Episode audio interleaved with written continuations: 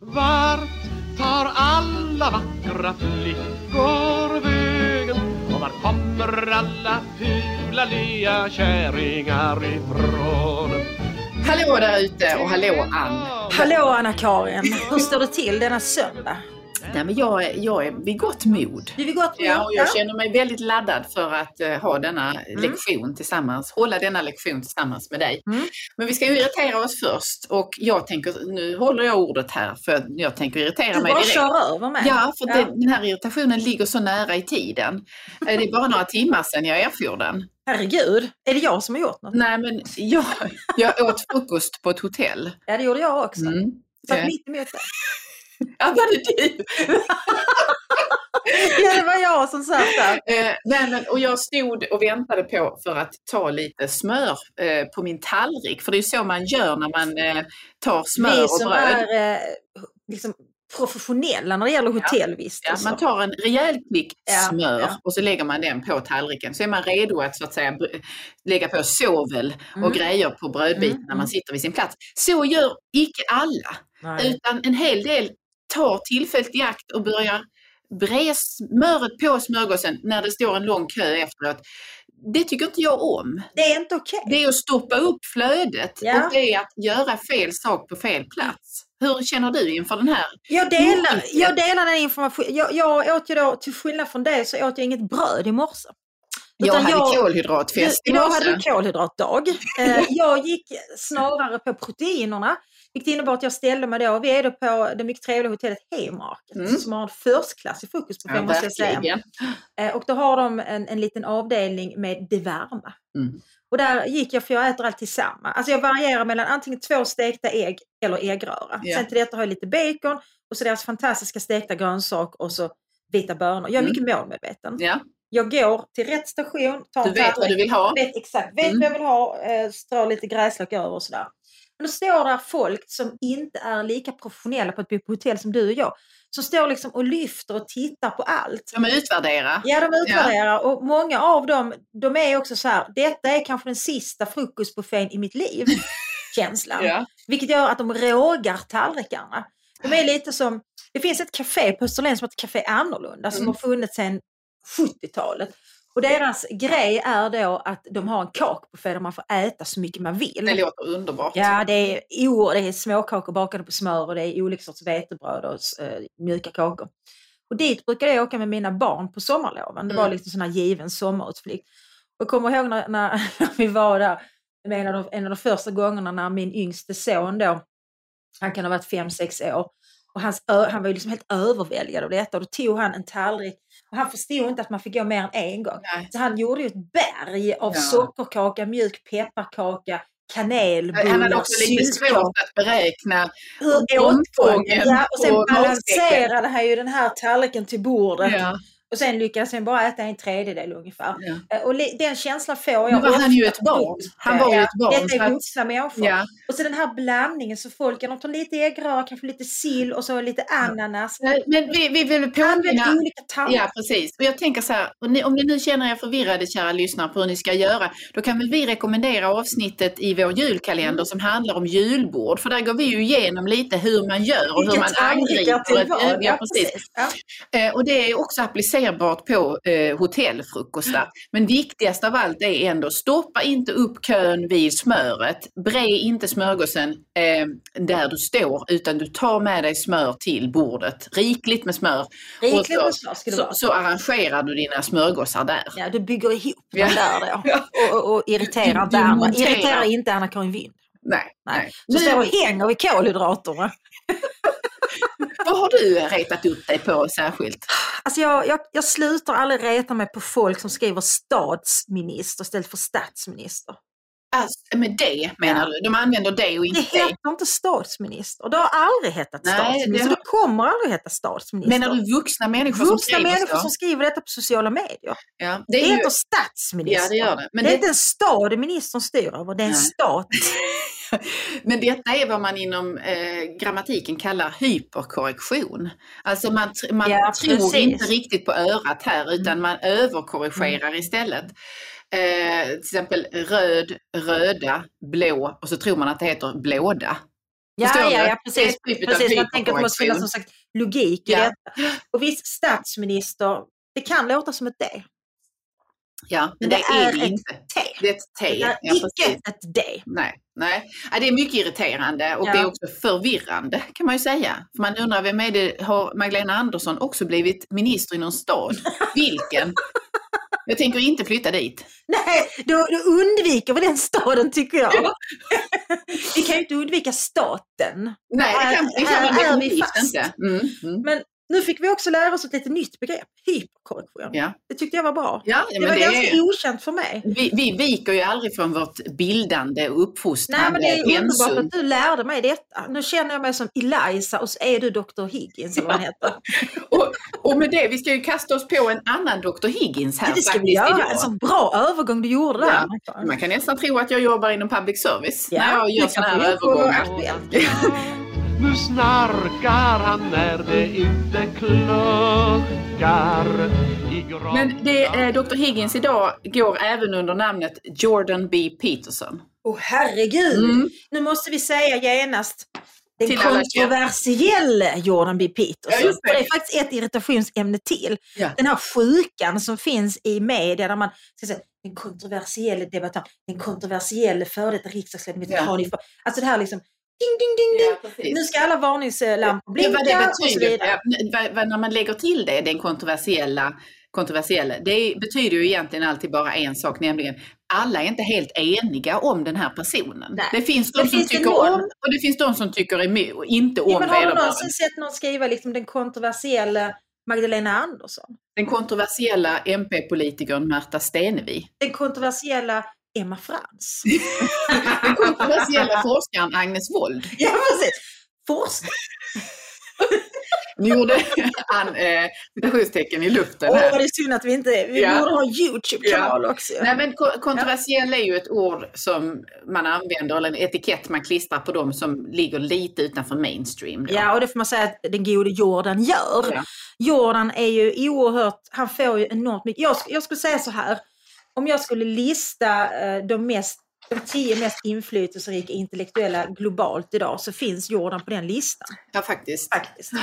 Och, och det, det har han ju byggt upp på rätt så kort tid egentligen. För, eh, När gjorde han, han, slog igenom med det här klippet på YouTube, eller hur? ja, då är det 2016. Ja, så det är nära i tiden Ja. kan man säga. Och innan dess, han var väl inte liksom en, en eh, superdoldis innan. Om jag förstår det rätt så, Jordan B. Peterson är ju professor i psykologi, Precis. verksam i eh, eh, universitetet vid Toronto fram till bara för någon vecka sedan. Mm.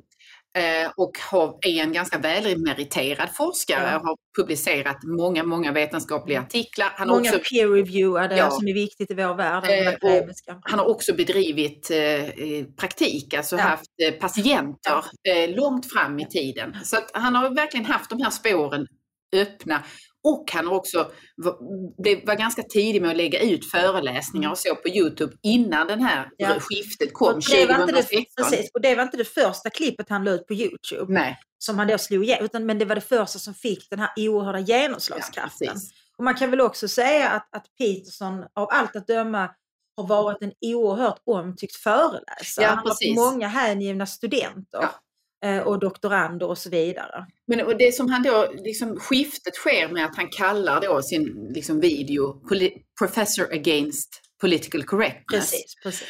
Eh, och tar utgångspunkt i ett lagförslag som går under namnet C16 som handlar om, menar han då, att nu ska man inte få lov att använda ett pronomen, han eller hon, om någon, om detta går emot hur den personen eh, upplever, Vill definiera vill sig, definiera ja. sig, vill identifiera sig om, för, som, eller har ett slags Mm. genusuttryck som.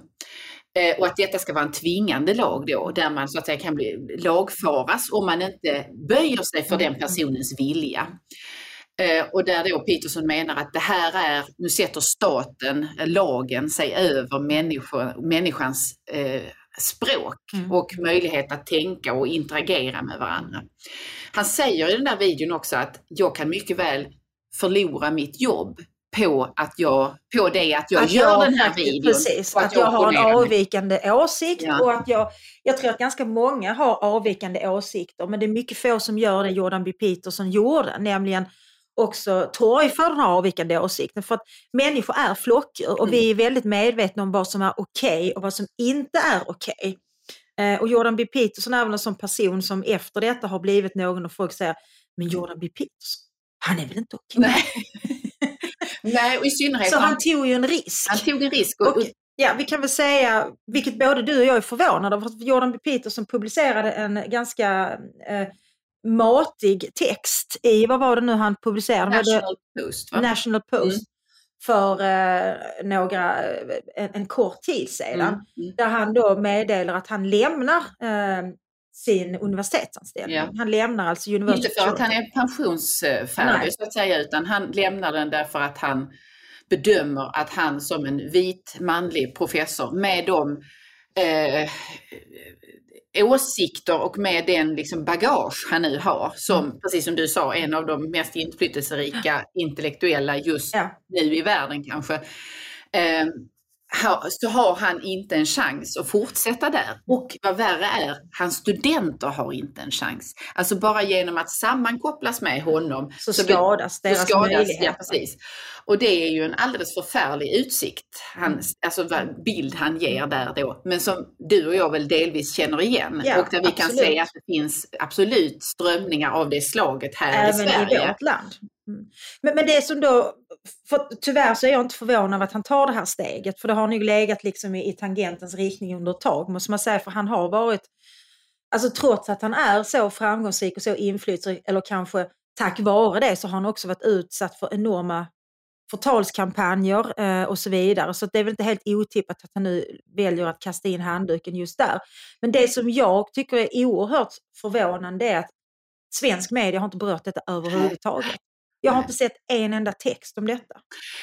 Nej, och det är ju någonting som har präglat egentligen hela från det att han blir, slår mm. igenom 16 och framåt. Så jag har hela tiden förvånats över att han aldrig har blivit liksom ett diskussionsämne inom det akademiska fältet heller. Alltså att, att man inom Nej. de liksom ämnesdiscipliner ja. där man, han attackerar ju humaniora, en del mm. av humaniora, han attackerar mm. genusvetenskap mm. och han är, är, väldigt kritisk till hur lärarutbildningarna, där, mm. och där finns det också paralleller till vad som har hänt i Sverige eller vår, vår vår, vårt lands lärarutbildningar och så vidare. Men alltså, det, det är inte det att man går i polemik ens med honom, utan man ignorerar honom. Han är en icke-person. Precis. Akademin har ignorerat honom och den bilden som man har fått av Jordan B. Peterson i svensk offentlighet genom eh, journalistik och kulturskribent och så, det är bilden av en pajas. Därför det är så en man, galning, man, har, man har utmålat honom som en person som har mycket märklig diet, eh, som bara äter kött, man har utmålat honom som misogyn, som moralist, som ultrakonservativ. Som transfob. Som transfob eh, och så vidare. Och jag måste Klimat, säga, klimatförnekare är väl det senaste. Ja. Om man har läst Petersons böcker, eller ännu hellre skulle jag vilja säga, eh, för han gör sig faktiskt ännu bättre som föreläsare, så vet man att detta stämmer icke. Eh, och det är oerhört sorgligt att vi har en sån korkad bevakning faktiskt.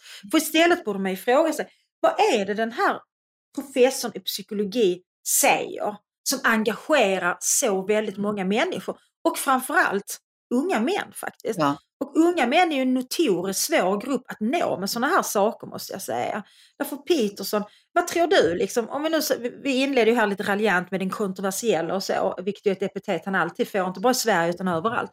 Vad är det som retar upp människor så mycket med det Peterson säger, skulle du säga? Jag tror att en del är att han är så väldigt tydlig i, mm. han är, han är, väldigt, han är precis som en av sina regler, han är exakt i talet. Han ja. säger ju det i en av de här reglerna, att ja. du ska vara exakt i vad du, liksom ja. vara precise in your speech. Och det är han. Det gör att det, det här vekheten, vagheten. Och blir han så missförstådd. Ja, jo, men, men det, det, det, man kan inte liksom hantera människor som är ganska tydliga på det sättet därför att då blir det också, om något av det tydliga som sägs inte överensstämmer till punkt och pricka med vad normen är för vad man ska tycka eller vad konsensus är i uppfattningen om, må det vara genusvetenskap eller eh, skolan idag, då, då är man kontroversiell och då, är man, då blir man så att säga bortskåpad direkt för det. För jag tycker att en del av det vi har tappat i det offentliga mm. samtalet och också i det intellektuella akademiska samtalet, det är möjligheten att säga vad gäller Jordan B. Peterson så håller jag mycket med. Jag håller i hög grad med honom i den här frågan. Här tycker jag han har ett antal poänger. Men däremot håller jag absolut inte med honom i frågan om ditten och datten. Alltså att man kan skikta en persons gärning och säga att man i vissa avseenden är överens och andra inte. Den möjligheten finns inte när det gäller honom eller alltså andra så, här, så kallat kontroversiella Nej, precis, personer. Det är jag menar, liksom, när man, när man, i Sverige så, så har man framställt Peterson som en pajas och det handlar ju om hans person. Därför man har inte engagerat sig så mycket i att försöka förstå och förmedla vad är det den här personen säger. Utan istället, man måste ju skilja på verk och person också. Jag tror också så här, eh, min bror är eh, disputerad i sociologi. Eh, och jag, Men han är välklädd hoppas jag. Ja det är han faktiskt. Ja, ja. Han är mycket stilig min bror måste jag säga. Och jag är då disputerad i etik. Och en sån här trätofråga mellan oss som brukar komma upp på julafton och så, det är huruvida en, en, en forskare då vid universitet får lov att vara normativ. Mm -hmm. För mig är det en jättemärklig fråga. Därför etiken, på. Ja, alltså etiken är ju till, till, sin, till sin essens normativ. Och jag tycker det är intressant att angripa ett ämne och sen så liksom inte bara beskriva det, inte bara vara deskriptiv utan faktiskt också vara normativ. Att säga att så här gör människor. De borde göra så här. Mm. Det tycker jag är intressant och det, det var väl det som drev mig medan jag fortfarande sysslar med forskning. Eh, medan min bror tycker att det är oakademiskt och fel. Utan han tycker att forskarens uppgift är bara att beskriva någonting och sen så lämnar man den beskrivningen till de som fattar beslut, det vill säga liksom politiker och makthavare. Han har sysslat ja. mycket med skolforskning. Mm. Och han har ju en poäng såklart. Ja, det har han. Eh, och det finns ju liksom, det är klart att sociologi och etik och pedagogik som du sysslar med, det är ju olika discipliner med olika traditioner. Men jag menar att det synsätt som min bror har, det har brett ut sig. Samtidigt som forskningen och forskningsresultaten redan i frågeställningen skulle jag vilja påstå ofta idag är norm. Ja precis. Ja, ja, ja. Det finns en dubbelhet det i detta. Det finns ett stort mått av självbedrägeri ja, och det är där Peterson också blir kontroversiell. Han säger bara Gör så här, mm. säger han. Jo, det är och, väldigt främmande i en svensk kontext. Ex, exakt, och det finns det självbedrägeriet paras ju med en selektiv blindhet i fråga om just att se, se detta hos sig ja. själv och att helt enkelt blanka ut vissa saker och sen till följd då, och det är det öde som Jordan B. Peterson har råkat ut för, i synnerhet i Sverige, att man smalar av honom. Man, man erkänner inte att han har nyanser i, om man Nej. lyssnar på en sån här två och en halv timmes föreläsning eller läser en hel text av honom så ser man också där nyanserna framträder. Ja. Eh, men det är det som, alltså, jag tycker verkligen så här, någon slags lågvattenmärke i den svenska debatten var när han besökte Sverige för några år sedan. Ja, var det, var när han, ja Uh, ja, det, var, det, det var hösten 18, det var ja. valåret där efter valet. Ja, för då kommer han till Sverige och håller ett par föreläsningar ja. eh, i Stockholm. Utsålda. Ja, på ett par minuter bara. Och de hade ju missräknat så att de trodde att de tog en lokal på typ som rymde 800 personer. Mm, eller något cirkus. Ja, precis, men i en liten lokal på Cirkus. Eh, men där då de svenska politiker och debattörer som skulle säga någonting om honom aldrig bemödade sig med att ta del av vad han faktiskt hade skrivit Nej. eller sagt eller gjort, utan man tog någons vantolkning och fulläsning av det och ja. sa att han är kvinnofientlig och sådär. Ja. Och jag kan säga att jag har faktiskt råkat ut för att vänner till mig, för jag intresserade mig för honom ganska tidigt, mm. och följde, liksom, följde hans föreläsningsserier mm. och eh, som jag sa tidigare höll med om sånt och höll inte med om annat. Nej. Men där, bara det faktum att jag delade en text eller en diskussion han hade med Camille Paglia, som vi har talat om här tidigare ja, i podden. Eh, jag delade en te sådan text och fick där efter ett påpekande från en vän eh, som jag skulle göra en sak med, eh, alltså framträda tillsammans ja, ja. med. Och en mycket liksom eh, fräck fråga om vad jag, hur jag ställde mig till honom. För att X hade då hört att han var homofob. Och att han var antisemit. Inte bara homofob utan också nej, antisemit. Nej, och där, därigenom var jag också misstänkliggjord för mm. att var jag möjligen också detta? Mm. Eftersom jag intresserade mig för honom. Nu är ju Jordan B. Peterson och inte heller jag varken det ena eller det andra. Nej.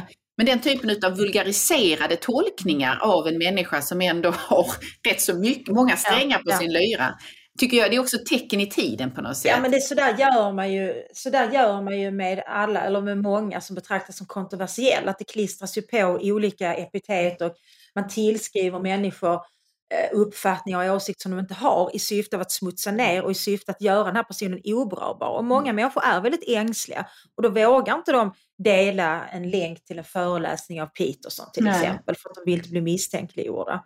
Eh, Och det, det är mycket, mycket fult. Om du minns då när Peterson var i Sverige hösten 18 så var han ju med i Skavlan. Mycket Ja, minnesvärt tillsammans med Annie Lööf. Och det var ju en riktig jävla tv-kalkyl. alltså hon gjorde ju bort sig Ja. så grundligt. Ja. Och ändå såg jag liksom hur folk på Twitter tyckte way to go Annie, där fick du honom. Mm. Medan hon gjorde ju exakt det som du beskrev. Hon hade ju inte överhuvudtaget lagt ner två minuter på att försöka sätta sig in i vad den här kanadensiska professorn faktiskt sa. Utan hon gick på någon slags idé om att han var misogyn och satt och pratade om, vad var det hon sa? Hon talade om sin dotter, att hon Ja, ville hon att hon skulle få välja själv och så vidare. Eh, och hon använde fel begrepp på engelska. Allting var mycket pinsamt. Ja, ja, det var det därför att hon, jag, jag tolkade hennes liksom uts, väl förberedda utspel där, Ja. för att det var det ju. Det var, liksom, det var saker hon hade fått hon i sin har hand. en, som en hon stab politiska tjänstemän som gav henne talepunkter. där- De hade inte gjort sitt jobb kan jag säga. Nej, nej, men och där, hennes eh, markering handlade mer om att hon skulle visa att hon var feminist och Ja. att hon var för jämställdhet. Ja. Som en tänkt kontrast till Jordan B. Petersons antifeminism och som ju då- inte finns. Nej, Nej. nej. För, vad, han, vad det kommer sig av den bilden handlar ju om att han också eh, kritiserar genusvetenskap och han kritiserar en del av teoribildningarna inom det som man kallar kritisk teori. Men jag uppfattar inte honom som att han har eh, liksom misogyna föreställningar utan han erkänner ju däremot att det finns alltså psykologiska och Ja. biologiska dimensioner som också spelar roll Ja. för hur och vilka vi blir. Precis. Och det är tabu i Sverige. Ja, det är det. Och samtidigt skulle jag faktiskt vilja drista mig till att säga att jag tycker att just detta, att förneka att det finns psykologiska och biologiska skillnader mellan män och kvinnor, det tycker jag är misogynt. Ja, precis. Faktiskt. Ja, eftersom att det blir då, eh, jag menar det finns ju För om... om vi inte erkänner att det finns skillnader så kan vi inte heller agera kompensatoriskt, det vill säga att faktiskt försöka utradera de skillnaderna Ja. på olika sätt. Eh, Och jag menar att säga att det finns skillnader mellan könen är ju inte detsamma som att könet, kön, ditt kön determinerar vad du ska göra. Nej. Eh, utan, Eller hur vi ska inrätta samhället. för problemet är ju om, om, om ditt kön determinerar hur samhället ska se ut eller vad du har för möjligheter. Eh, Men att erkänna att det faktiskt finns vissa skillnader, det är ju rimligt. För det som Peterson tog upp också i det här samtalet med Annie Lööf, det var ju den här, eh, vad heter den här paradoxen, Jämställdhetsparadoxen. jämställdhetsparadoxen, att i, ju mer jämställt ett samhälle är, desto mer stereotypa val tenderar män och kvinnor att göra. Ja. Så i samhälle där män och kvinnor faktiskt är fria att göra egna val, så väljer ändå många kvinnor stereotypt kvinnliga Vårdyrken, yrken, ja. vårdyrken, eh, Pedagogiska yrken, Exakt. Och det där ville inte Annie Lööf riktigt lyssna på. Nej. Utan Nej. hon ville minsann att hennes dotter skulle veta att hon kunde bli statsminister, inte statsminister. Nej, precis. Nej, men och det är som du säger, det är antifeministiskt att förneka detta. Det Ja. ligger ju också i att vi skiljer ju oss åt lite män och kvinnor vad gäller vilka sjukdomar vi tenderar att få, vilka Ja. symptom, Ja. hur symptombilden ser ut för Ja. de olika tillstånden. Och skulle vi hävda att kön bara är en social konstruktion så förnekar vi då, alltså, Då skulle eh, vi missa mycket av det. Ja, den medicinska forskningen som måste utforska hur de här skillnaderna Ja, ter sig. Precis, precis. som det är viktigt att beforska hur sjukvårdspersonal tenderar att möta Mm. kvinnor och män på olika vis. Så där får man ju liksom in genusdimensionen Ja, in ja. Då, i det. Av midjan så smal Så att royal sig När kom du i kontakt med honom? Alltså jag såg ju den här, för det här klippet cirkulerade väldigt det här eh, Professor Against Political Ja. Correctness, så det såg jag. Eh, och kände väl igen mig lite grann. Då, då var jag ju fortfarande kvar på universitetet och bör, hade börjat en, en ganska ojämn kamp, måste jag säga, som ju inte slutade väl. Men sen så jag fastnade aldrig för honom, så jag, jag läste inte Peterson förrän han kom till Sverige. Och han kom ju det just det som vi pratar om nu hösten 18. Eh, därför det är nämligen så att eh, det förlag som jag ger ut böcker på, Mondial, ger också ut Ja, just det. På svenska. Och det var så intressant för min förläggare berättade då att när det var Alltså de här stora bokkontrakten säljs ju på bokmässor i London och Frankfurt och så vidare. Men de svenska förlagen var inte så intresserade. Nej. Så att eh, jag tror att Det är Mondial... väl en förlängning av det vi talade Ja, om innan, precis. att man förnekar Och det här är ju ändå en av de alltså författare som, som säljer mest i hela världen. Men svenska förlag var inte intresserade så Mondial, jag tror att de gjorde en ganska bra affär där. Eh, och i samband med att hans bok kom på svenska då så kom han ju hit och då fick jag faktiskt två fribiljetter till cirkus. Oj, jag ska köpa mina själv. Ja, eh, så jag var där eh, och lyssnade. Och då blev jag, först blev jag så fascinerad. Jag har själv ägnat mig rätt mycket åt föreläsningar, jag turnerade med en stand-up filosofi och så vidare. Och då är det ju ofta, alla kulturevenemang är ju faktiskt ofta dominerat av kvinnor. Men på Cirkus den kvällen med Jordan B. Peterson så var jag och min väninna Jenny som jag hade med mig, vi var i en kraftig minoritet där. Därför jag skulle säga att 85, kanske 90 procent av alla de som satt där var män. Och det var ganska unga män. Ja. Och det är en publik som sällan är intresserad av att komma och lyssna på Två timmars föreläsning. Två timmars föreläsning Av en professor i psykologi. psykologi. Ja. Och det tyckte jag var så fascinerande. Och sen blev jag också eh, både liksom imponerad och eh, provocerad på ett positivt sätt och liksom intellektuellt stimulerad av, av den föreläsning och det efterföljande samtalet. tror jag han har med sig Dave Rubin ja, precis. Det, som han höll där. Ja. Och den kvällen jag var där så, så lanserade han, eller talade utifrån regel nummer 13 Ja. som inte fanns i hans de här 12 regler Mm. som då handlar om hur man får ett äktenskap att fungera under en längre tid. Mm. Och det tyckte jag var, det var intressant och tänkvärt. Så där blev jag väl intresserad av honom och framförallt så blev jag väldigt förbryllad när jag sen läste recensionerna Ja, av hans att han föreläsning. bara hyllade monogami. Ja, och det var inte alls det han Nej, sa. precis. Nej. Eh, Det var oerhört märkligt så då skrev jag en liten text om alltså, hur jag uppfattade det han sa. Som jag tyckte var väldigt rimligt. Att han, han erkände att det är svårt att leva tillsammans. Eh, Och han är inte på något sätt emot skilsmässa. Han säger att ibland Ibland är det det det som nödvändigt. finns. Det är den lösningen som gynnar, som Ja, är Men det är också ut. så att Ja. vi måste också förstå att det är svårt att leva i tvåsamhet. Eh, Och då får vi försöka, liksom, då hade han tre olika modeller. Vill vi då leva i tyranni, det vill säga att den ena bestämmer allt, eller ska vi försöka tänka oss slags förhandlingsmodell? Och han förordade ju förhandlingsmodellen och så vidare. Mm. Så jag tyckte det var tänkvärt intressant. Ja, precis. Nej, men och det är ju det som har slagit mig, men jag var och lyssnade en av de där kvällarna också och jag har ju sett många av hans, och lyssnat på många av hans Mm. samtal, där publika framträdanden och så. Och det, det som slår mig, även om hans kvalitet eller hans liksom prat kan variera i huruvida det slår an någonting hos mig eller inte. Men han är alltid så närvarande i kontakten när publiken får ställa Mm. frågor. Mm. Han tar varje fråga på enormt På stort allra allvar. största allvar. Ja. Och det uppfattar jag också i de här liksom, korta publikkontakterna, Ja. när man tackar för föreställningen eller man får lov att skaka hand eller ta en bild med personen och så. Där han har, en, han har mycket höga krav på sig själv att vara närvarande och se den människa som möter honom. Och det är vi nästan ovana vid. Jag tror att det är det som kan skrämma folk också med honom, att han har en slags, ett allvar i sig Ja. i det han talar om och i hur han ja, ser på sig själv också.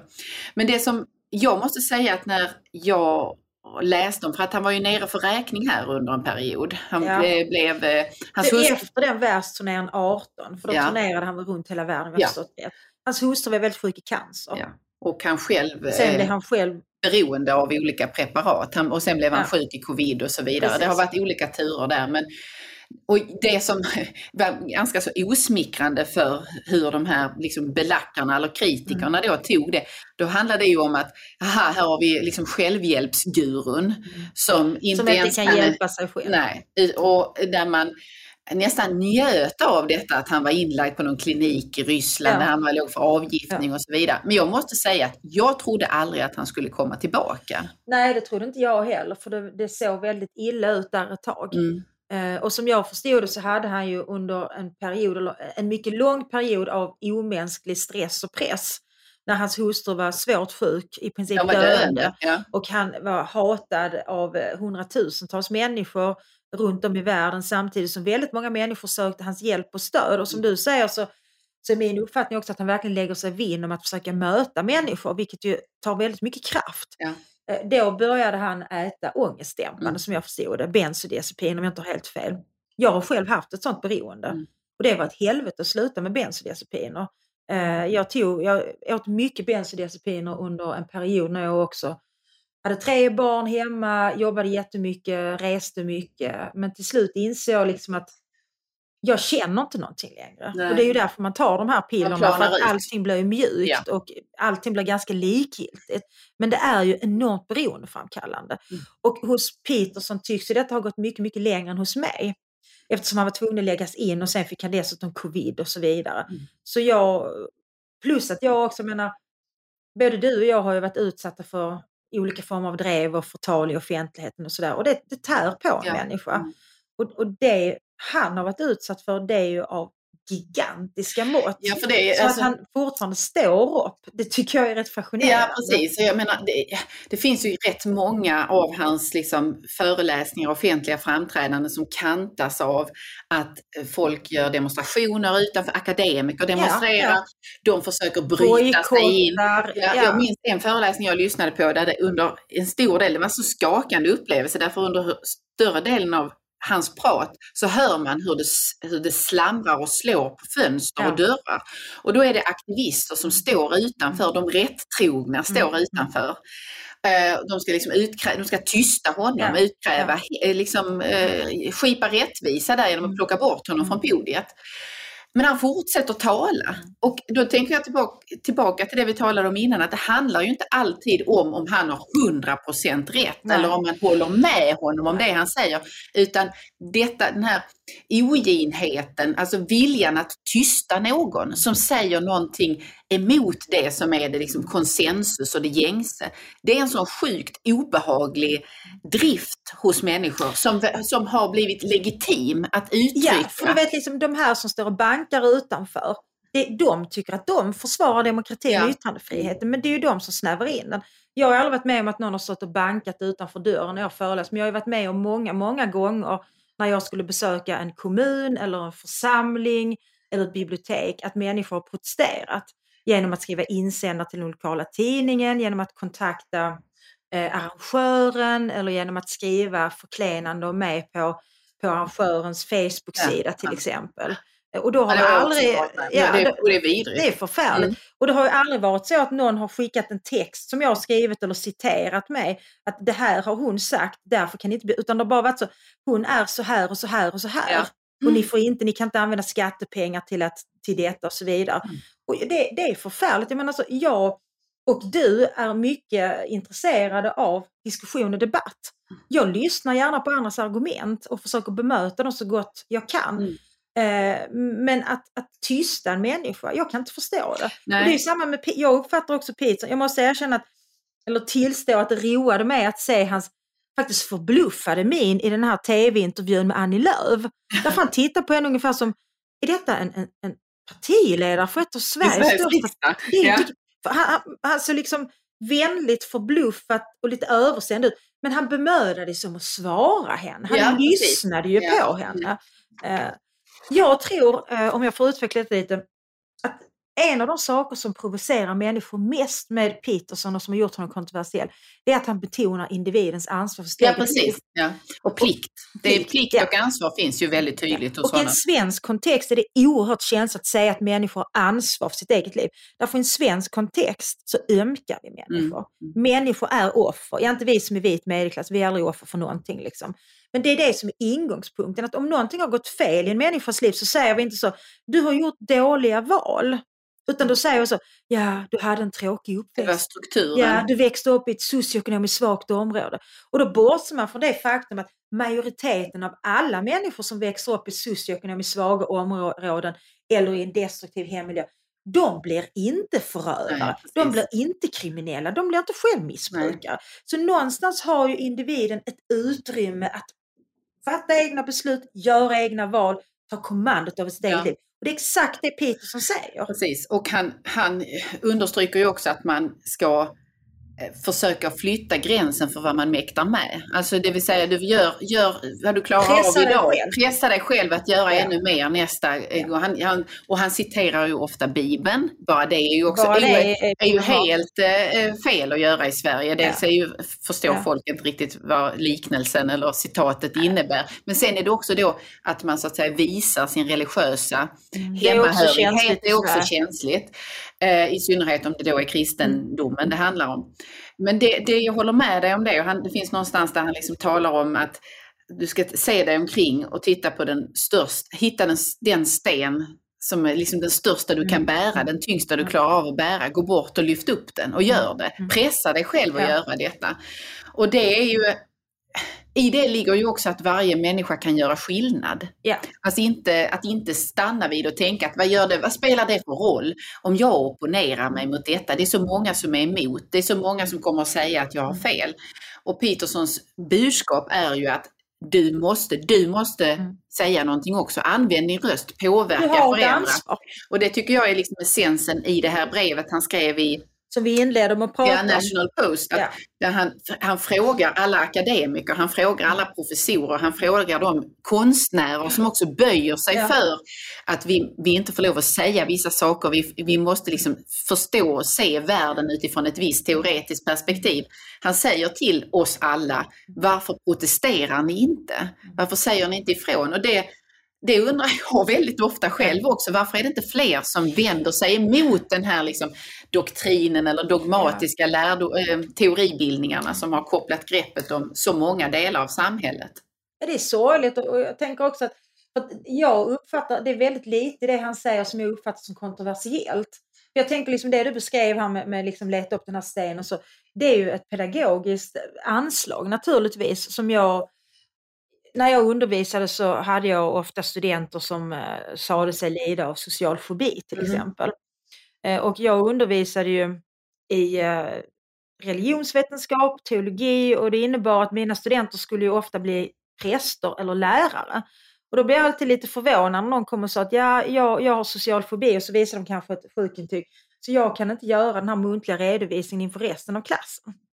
Och då sa jag liksom, jo men du ska ju bli lärare. Ja. Då måste du ju stå, du måste ju klara av att Du måste Att- pressa dig och göra... Ja, så, så, så kan vi göra så här att imorgon så räcker du upp handen en gång och säger en sak. Och sen nästa vecka, så, jag, så att jag liksom la tillsammans med studenten upp en liten plan. Eh, och det är samma sak, man tar den, den tyngsta stenen man kan bära idag och sen nästa dag tar man en som är lite tyngre. Precis. Ja. Medan jag såg att många av mina kollegor sa så, ja nej, men då slipper du det momentet naturligtvis. Ja. Nej, det är Så hjälper man inte människor. Ja, nej, precis. Och jag, så uppfattar jag Petersons budskap, att han lyssnar på människor och säger att ja, jag hör att du har ett problem. Låt oss lösa detta. Har blivit en madame Snart startar vår stora färgfest med fantastiska erbjudanden för dig som ska måla om. Kom in så förverkligar vi ditt projekt på Nordsjö Idé och Design. Dåliga vibrationer är att skära av sig tummen i köket. Ja! Bra vibrationer är att du har en tumme till och kan scrolla vidare. Alla abonnemang för 20 kronor i månaden i fyra månader. Vimla! Mobiloperatören med bra vibrationer. och och Och han säger också vikten av att ändra sitt liv i det lilla. För det är en sån sak som han har blivit mycket hånad för i Sverige, att han faktiskt uppmanar människor att bädda säng. Mm. Jag tror att det är jätteviktigt. Ja, men då så blir det lite sådär, men bädda sängen, det är inte alltid bra att göra det. det då bor det ju kvalster och sånt där. Men han menade ju bildligt, Agnes Wolds eh, in- input. han menar ju detta med att bädda sängen eller städa ditt rum. Det handlar ju om att ha ordning i, i det som I omger det, dig, i det precis. lilla. Och då kan du ha ordning i det större Ja. också. Och det har ju faktiskt du och jag skrivit en förtjänstfull debattartikel, Mm. lite samma tema. Mm. I Sverige så har ju en tid nu debatterats det började med liksom någon slags rätt banal debatt om klädkoder i en av de stora eh, friskolekoncernerna. Och sen så gick det över kan man väl säga en debatt om ordningsregler generellt. Och där knöt vi i vår artikel an till eh, den här broken windows-teorin som var väldigt framgångsrik i brottsbekämpningen i New York. Eh, där man helt enkelt började med att beivra små förseelser som klotter och man bytte ut rutor som var söndriga och man hade synliga poliser och sådär. Ja. Och det gjorde att när man slog ner på de här små sakerna så ökade känslan av att regler efterlevs och det finns en trygg kontext här. Och då vågade sig mer trygg, alltså fler icke-kriminella människor ner i till exempel Ja, tunnelbanan det. som man undvek för Ja. att det var liksom så. Så det blev en mix, det blev en blandning. Precis, det blev och då så ökar ju tryggheten av sig själv. Ja. Och, och, där drar vi paralleller till ordningsregler i skolan. Och vi kan dra paralleller till Petersons uppmaning att faktiskt liksom bädda sängen, sköta sitt yttre och så vidare. Därför när man har det här grundläggande så är det mycket lättare att ta ordning på allt annat också. Vi måste skapa en, en ram Ja. av ordning på Ja, något precis. vis. Det, men det, han, det, där är han ju, liksom, det är det som är hans grej i att han blir så brett omtyckt, lyssnad på och läst, nämligen att han klarar ut och formulera ganska svåra saker på ett nästan Ja. banalt vis. Va? Alltså Ja. bädda din säng eller stå upp rakt och håll Ja. tillbaka dina äh, Ja. axlar Ja. för att då får du en kroppshållning som kommer att eh, liksom hjälpa dig när du går in i nya situationer. Ja. Det, det påverkar hela din liksom, Påverkar ditt självförtroende. Eh, men, men också, där man också då banalis, den här ytan av en, en banal formulering, den vänder man då mot honom och säger att han är bara banal, allt handlar om att bädda sängen eller på man, hur man står eller hur, och sen så använder han liknelser som inte passar de som läser då och som inte förstår hur han eh, tråden, han liksom, hur han fördjupar detta i Precis. resonemanget. Men jag måste nog säga ändå att de här självhjälpsreglerna, det är kanske inte de som har primärt fångat mig, utan det, för mig har det handlat om att han har förmått och vågat att vända en kritisk blick mot det akademiska Mm. fältet och mot de akademiska fält där jag själv har varit verksam. Ja. Och eh, föra fram en rätt vass kritik Mm. Och dra den kritiken så långt att han säger att om det här fortgår, om inte fler Mm. ställer kritiska frågor kring detta och vänder sig emot den politiseringen så kommer vi att förlora de här institutionerna. De kommer inte längre att tjäna vetenskapen, de kommer inte längre att vara en del av det öppna demokratiska samhället på det sättet som vi känner dem. Och det var liksom i det han slog an någonting hos mig, Mm. verkligen. Jo men det förstår jag. Mm. Och i den här texten som vi har pratat om nu ett par gånger eh, i eh, vad det nu heter, National Post. Post, precis. Så, så använder han sig av begreppet DIE. Mm, Eh, diversity, Inclusivity och Equity. Va? precis. Eh, som han menar genomsyrar allt på ett ganska olyckligt sätt. För det du beskriver det är ju hur de här begreppen med mångfald, jämlikhet och inklusivitet har liksom blivit överordnat allt annat i den akademiska miljön. Men i den här texten så, så menar han också att vi ser ju detta i, i Hollywoodproduktioner, i tv-serier, Konstskapande. i, överallt. Mm. Att, att det överordnade är hela tiden att verka för, för att mångfalden och inklusiviteten och jämställdheten ska öka. Och nu kanske liksom ni som lyssnar tänker, ja men det kan väl inte vara dåligt? Jo det kan det faktiskt. Därför det är ju då en specifik tolkning av vad mångfald är precis. som styr Det är, detta. den, det är de här synliga Ja, attributen. därför Ja, mångfald är ju aldrig att det ska finnas en mångfald av åsikter till exempel. Därför jag, jag skulle säga så att public service arbetar ju också efter de här tre begreppen. Men mångfalden där är ju sällan att deras journalister representerar eh, olika liksom, ideologiska uppfattningar. Det är liksom en väldigt banal form av mångfald. Det de har ju det här begreppet mångfaldskompetens. Ja, och det är att man då ska ha en, en annan hudfärg. Man ska Ja. komma, är man blå liksom, som blir man direkt inkvoterad. Mm. Inte om du är politiskt blå, men om du skulle råka vara blå. Mhm. Det är ju oerhört få som är det. Ja, Men de behöver, de behöver också representeras Ja, public ja, service, tänker jag. Mm. Och det tycker jag är en, en diskussion den här diskussionen borde vi haft för länge sedan och på största allvar fundera vad vill vi ha det så här? Ja. Vad är det vi förlorar i detta? Precis, och det är ju där han, han vänder på det och säger ni, man, ni kallar det diversitet eller mångfald och inkludering, men i praktiken blir det motsatsen. Det blir att man smalnar av och Exakt. att man är exkluderande istället. ja. Och det kan man ju ganska lätt leda i bevis Ja, ja. genom att titta på vilka filmer som produceras, vilka filmer som får stöd och hur de är så att säga eh, rollsatta. Och titta på reklamen, vilka typer av Ja. ansikten som numera, eller vilka kroppar, Ja. för att använda det begreppet då, som är överrepresenterade där. Därför att man söker den här så kallade mångfaldspoängen, men det blir bara enfald av det. ja, och det blir ju också tråkigt. Alltså tänk Hollywoodproduktioner, alla de här liksom eh, nyfilmatiseringarna av Marvel, liksom superheroes, när alla plötsligt ska vara kvinnor och allt vad de nu ska vara. Ja. Och enligt, enligt envisa rykten så kommer nästa James Bond vara en kvinna. Ja. Och häromdagen var det eh, en nyhet att eh, en nyproduktion av Snövit och de sju dvärgarna, att det var då ett problem. Att, eh, därför att de gör ju en stereotyp bild av dvärgar. De är korta menar du? De det är korta, stereotyp ja, för ja, dvärgar ja, de är ju också långa. fantasifigurer i denna saga. I det, Där är de faktiskt fantasifigurer. Ja. De är som sådana här enhörningar. Ja. Ja.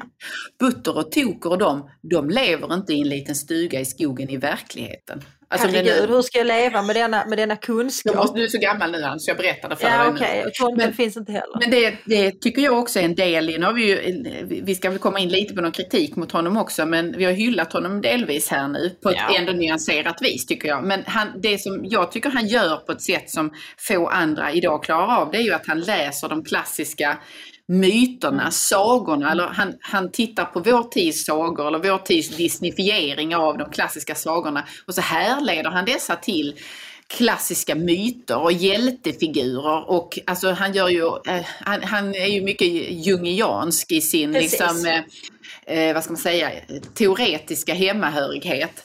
Eh, och det, att göra den typen av läsningar av de här klassiska berättelserna det har vi ju tappat. Litteraturvetenskapen har ju i mycket hög grad tappat det därför att istället så är det då att du ska läsa klassiska verk eh, med en eh, avkolonialiserande blick. Precis. Eller en normkritisk blick eller en intersektionell förståelse vilket gör att du kan aldrig söka berättelsens kärna längre Nej. och vad den säger om människan. Precis, precis. Det är helt borta och där tycker jag att vi, där förnekar vi ju litteraturhistorien. Ja, och vi förnekar också människans behov av ett gemensamt narrativ och det är ju, det är ju rätt så grundläggande i den jungianska eh, psykologin, att man använder sig av de här urmyterna, man använder sig av någon slags kollektivt undermedvetet eller en kollektiv fata bör man väl kalla det.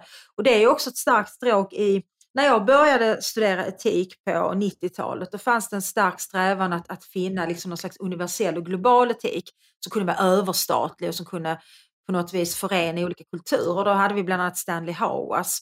Eh, och Hauas han, han betonade verkligen berättelsens betydelse för människans, för, för människans förståelse av sin existens och han intresserar sig också för de här myterna, alltså de bibliska berättelsernas budskap, alltså moraliska budskap. Och då menar jag inte i någon banal mening utan alltså på djupet verkligen. För att om man angriper de bibliska texterna så är det väldigt få teologer, exegeter, systemater som idag ställer frågan eh, hur gick det här till? Mm, mm. Därför det är inte det som de bibliska Nej. berättelserna beskriver. Liksom. Det är väldigt få som är bokstavstroende, den meningen man tror att, att världen skapas på sju dagar. Utan istället så är frågan liksom varför? Alltså varför vad säger finns vi här? Oss? Ja, vad säger berättelsen? Ja. Och varför finns vi här? Mm. Och det är ju det snarare som de bibliska berättelserna försöker förklara. Vi finns där för att ja. ha ett uppdrag. Ja, ja. Så här kan vi leva våra liv och så vidare.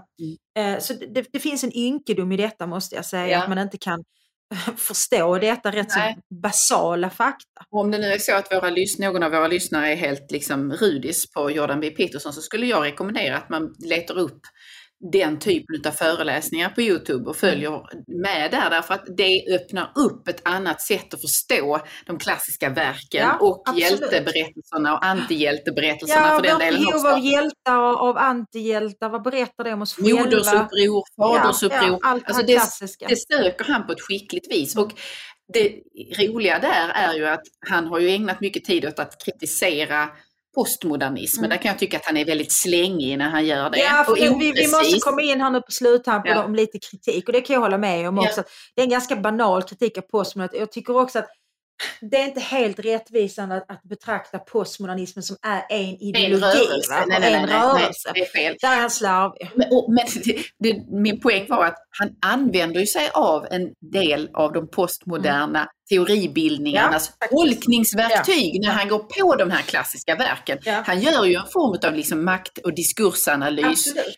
Eh, som, och det, liksom, det är det som är poängen med att man kan inte i en, med, i en handvändning avfärda en hel ideologi. Nej, nej, nej det går precis. inte, eller en filosofisk riktning. Utan den erbjuder ju oss verktyg som vi kan använda med, liksom, med förnuft och bildning som han har och då ja. fungerar de väl och då ja. tjänar de både, liksom, då, då tillför de någonting i tolkningen.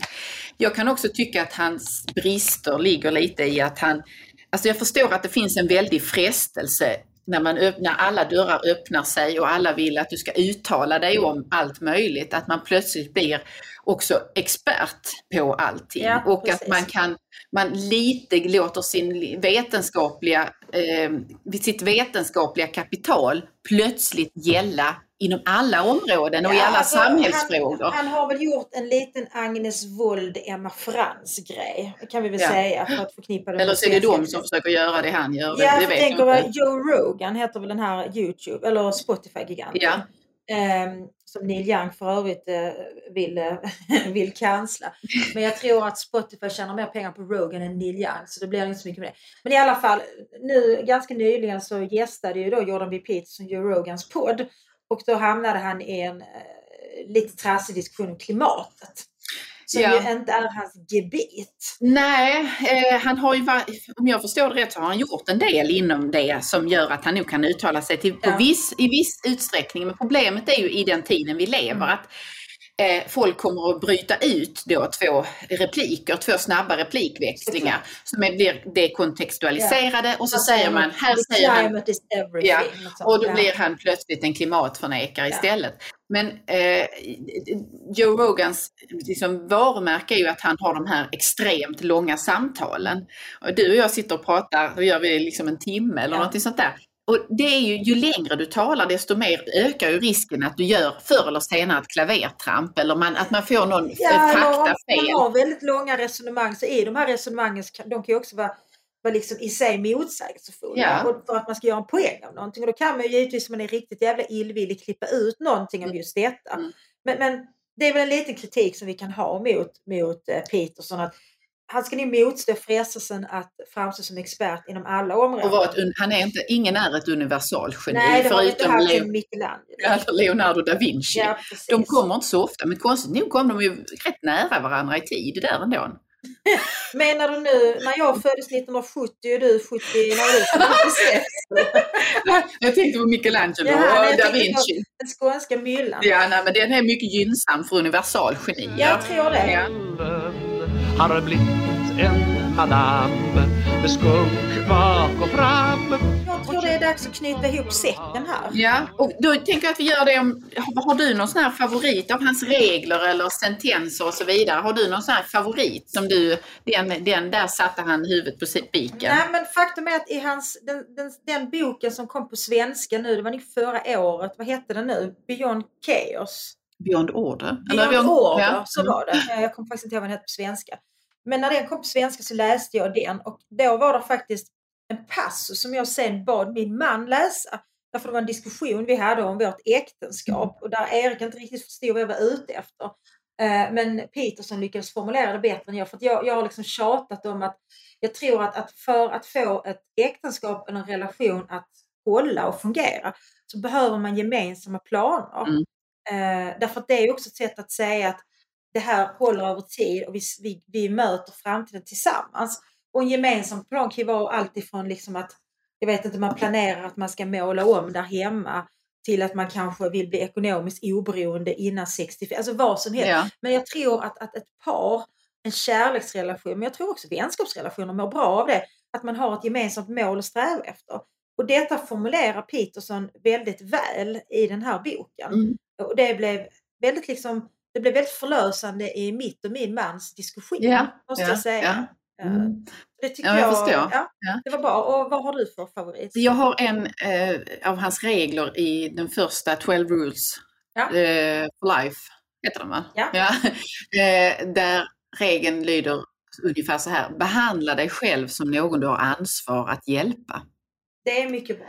Ja, apropå vad vi pratade om innan om att han betonar ansvar och så, men i det ligger ju också att man, vi kan väldigt sträcka vår välvilja och vår hjälpsamhet till att råda andra att göra olika saker eller säga det där är inte bra Ja, för dig. ja.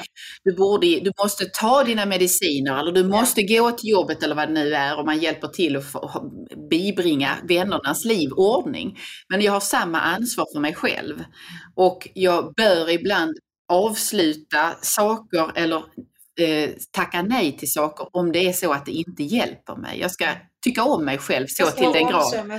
Ja, och jag har faktiskt i några fall smockat den här formuleringen i facet på folk som har velat nyttja mig på ett sätt eh, utan att så att säga eh, löna mig eller betala mig och ge mig eh, rimligt med, med, vad ska man säga, värdesätta den kompetensen jag skulle bidra med Ja. i sammanhanget.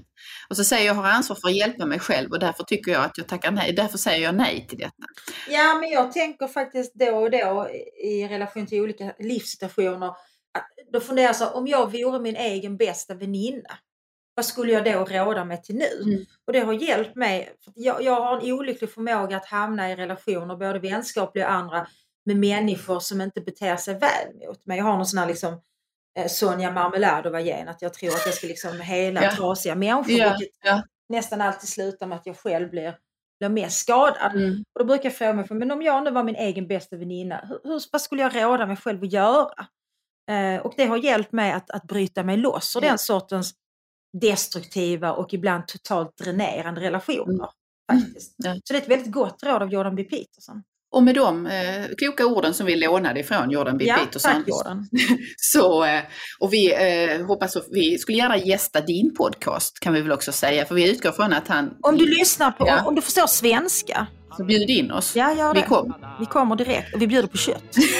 och kanske smör. Ja. Men du och jag träffas nästa söndag Ja, igen. men det gör vi. Ja. Tack ska ni ha för att ni lyssnade. Hej då! Hej hej! Vart tar alla vackra former vägen? Och var kommer alla hakorna på makorna ifrån? Nej. Dåliga vibrationer är att gå utan byxor till jobbet. Bra vibrationer är när du inser att mobilen är i bröstfickan. Alla abonnemang för 20 kronor i månaden i fyra månader. Vimla! Mobiloperatören med bra vibrationer.